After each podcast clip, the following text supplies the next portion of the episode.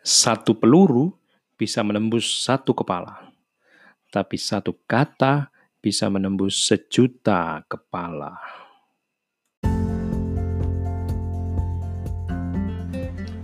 Assalamualaikum warahmatullahi wabarakatuh. Selamat datang di 95 iCaster, podcastnya alumni Bawi Karsu 95. Bersama saya, Eko Andi Suryo.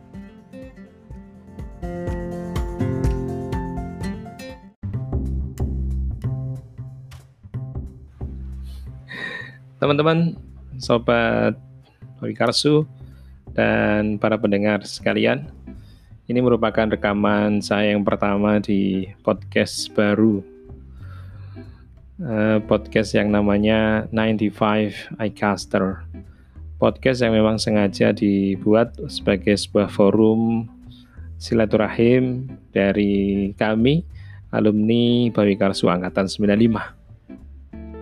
Selain itu juga semoga podcast ini bisa menginspirasi pendengar-pendengar yang lain karena nanti di podcast ini akan berisi cerita-cerita, berisi pengalaman-pengalaman dari teman-teman yang mengisi podcast ini dan pengalaman-pengalaman itu tentu saja memberikan inspirasi. Dari inspirasi itu yang kemudian nanti semoga kita bisa ambil pelajaran bersama-sama. Luar biasa.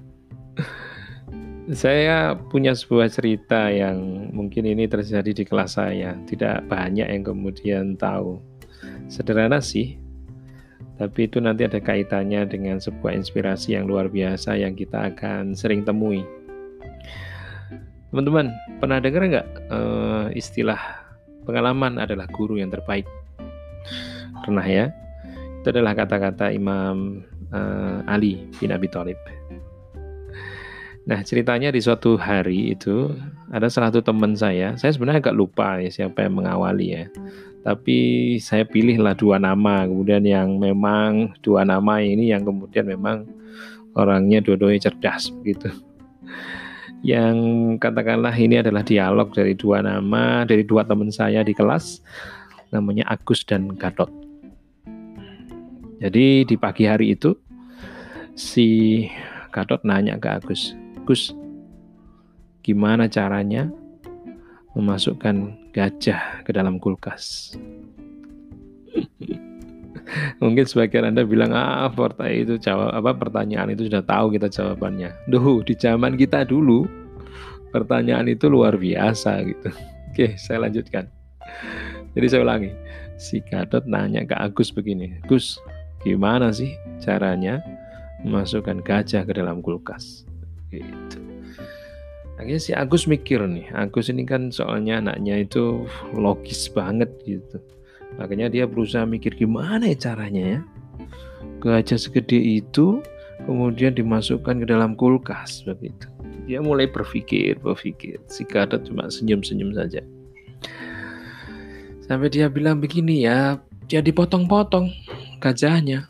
Kemudian kemudian dimasukkan sedikit demi sedikit ke dalam kulkas.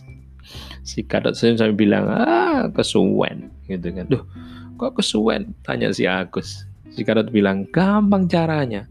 Buka kulkasnya, masukkan gajahnya, tutup kulkasnya. si Agus ketawa kepinggal-pinggal. Mereka berdua ketawa pinggal-pinggal. Walaupun sebenarnya si Agus kesal juga nih, gitu kan.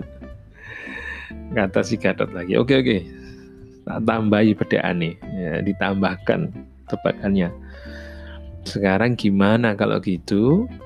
Masukkan jerapah ke dalam kulkas. Ayo si Agus akhirnya bilang begini oh ya gampang sama. Dibuka kulkasnya dimasukkan jerapahnya ditutup kulkasnya sama kan kayak gajah tadi. Si Kara tertawa terpinggal-pinggal dan dia bilang begini oh salah. Lu kok salah? kata si Agus. Kadot bilang begini caranya gini dibuka kulkasnya dikeluarkan gajahnya dimasukkan jerapahnya baru ditutup kulkasnya. Wah akhirnya mereka tertawa terpinggal-pinggal teman-teman sekalian mungkin kisah-kisah ini adalah kisah-kisah yang eh, hampir di setiap angkatan selalu ada. Cerita-cerita yang kemudian ada berkisaran, ada kemudian di sekeliling kita pada saat kita SMA. Dulu mungkin cerita-cerita ini menjadi sebuah cerita yang hanya sekedar sebagai apa ya bunganya cerita begitu obrolan di tengah guyonan. Namun dalam perjalanannya kita kemudian menemukan banyak hal yang kemudian ada kaitannya dengan cerita ini. Kalau boleh kemudian saya bilang, cerita ini mengingatkan saya. Kenapa kemudian saya teringat pada cerita ini? Karena pada saat saya kemudian belajar tentang uh, ilmu manajemen yang sekarang ini sering dibahas, yaitu agile management. Sebuah ilmu manajemen yang kaitannya dengan kelincahan begitu. Bagaimana kemudian sebuah tim manajemen dia bisa bergerak dengan yang yang tidak sama dengan apa namanya sistem manajemen yang sekarang ada. Sebuah mindset yang kemudian beda dengan mindset birokrasi. Lincah banget begitu. Kalau bahasa Indonesia-nya mungkin adalah mindset kelincahan. Mungkin kita sulit berpikir kayak gimana sih kelincahan itu. Karena kita kemudian agile management itu. Karena kita kemudian kekunci sama pikiran-pikiran, oh bahwa stepnya harus begini, dari setelah A harus B, harus C, harus D. Ternyata ada loh hal-hal yang kemudian ternyata baru, nggak pernah kita pikirkan, dan ternyata itu efektif. Bisa jadi kemudian pikiran-pikiran kita itu dipengaruhi oleh limiting belief. Bisa jadi pengetahuan pikiran-pikiran kita itu dipengaruhi oleh pengetahuan kita yang masih sedikit. Dan bisa jadi keputusan-keputusan kita saat ini itu dipengaruhi oleh Eh, keyakinan-keyakinan yang saat ini kita pegang dan itu belum tentu benar.